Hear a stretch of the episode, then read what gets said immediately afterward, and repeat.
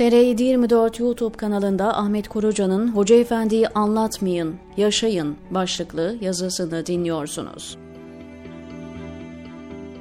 Kendimden utandım.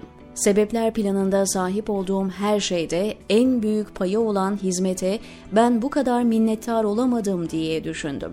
Sonra kendime haksızlık yapmam hem doğru hem de caiz olmaz diyerek derin bir muhasebe yaptım. Yaptığım muhasebe sonucu hayır ben de en azından bu kadar minnettarım, müteşekkirim ama ihtimal minnettarlığı bu ölçüde, bu netlikte, bu kararlılıkta üçüncü şahıslarla paylaşmıyorum noktasında karar kıldım.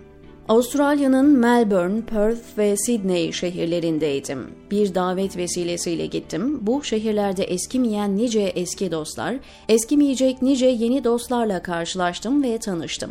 İmkan el verdikçe çay kahve muhabbetinden araba seyahatlerindeki müzakerelere, sohbet ortamlarındaki karşılıklı konuşmalardan ayaküstü soru cevaplara kadar münasebetlerim oldu bu dostlarla. Silinmez ve unutulmaz anlar yaşadım, hatıralar biriktirdim. Ağladığımız da oldu, güldüğümüz de. Dünü de konuştuk, bugünü de. Türkiye, hizmet, din, entegrasyon, çocuklarımız söz konusu ortamların ve konuşmaların ortak paydasıydı. Ama bir şey beni can evimden vurdu. Sözü uzatmadan başta söyleyeyim onu. Minnettarlık. Kime ya da neye minnettarlık? Hizmete. Nasıl mı? Anlatayım. Birçok insan sürecin mağdurlarından, Avrupa'nın çeşitli ülkelerinde gördüğüm şekliyle Meriç tecrübesi yaşamamış hiçbirisi. Vizeyle gelmişler bu ülkeye ama hapis hayatları olmuş bazılarının. Bazıları KHK ile işinden gücünden edilmişler. Avustralya'dan önce başka ülkelerde kalmışlar. Düzenleri bozulmuş, malları gasp edilmiş, emekli maaşlarına el konulmuş. Üç gün içinde ülkemizden çıkın ultimatomları verilmiş, eş ve çocuklarından yıllarca ayrı kalanlar olmuş ve daha nice mağduriyetler. Fakat ne Allah'a isyan anlamı taşıyan bir söz duydum bu insanlardan ne de hizmete atıp tutmalar. Sorgulamıyorlar mı? Sorguluyorlar.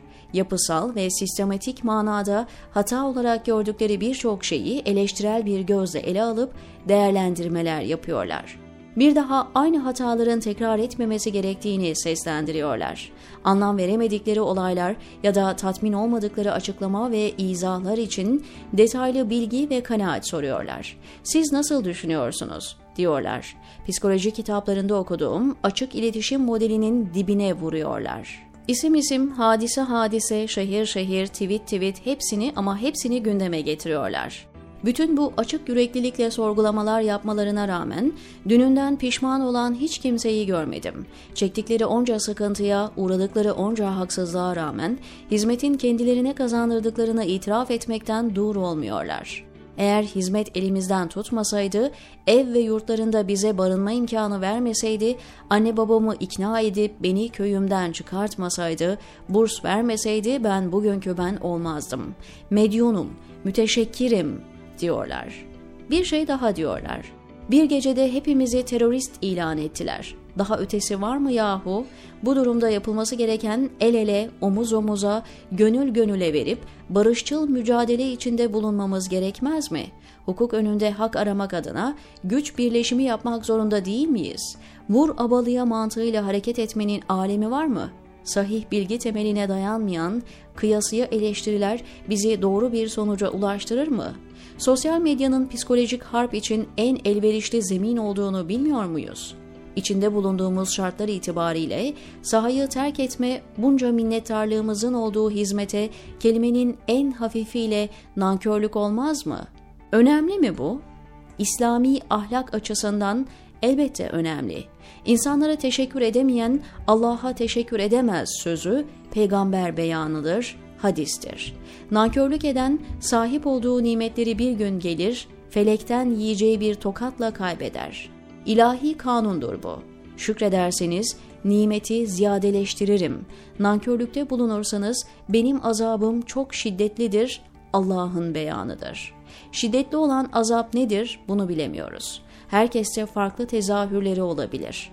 Uzatmayacağım.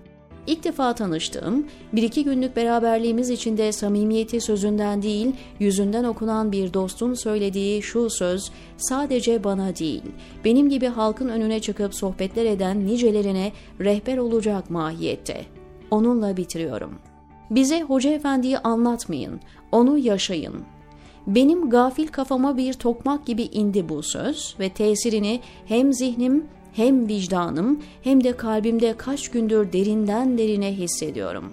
Doğru söylüyor. Anlatmayın, yaşayın derken belki bir ayetten mülhem şöyle de ifade edebiliriz. Yaşadığınızı, yaşadığınız kadarını anlatın.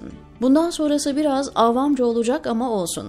Demek istiyor ki bize maval okumayın, masal okumayın, hikaye anlatmayın, aklımızla alay etmeyin, çocuk değiliz, her şeyin farkındayız, diyor Ahmet Korucan TR724'deki köşesinde.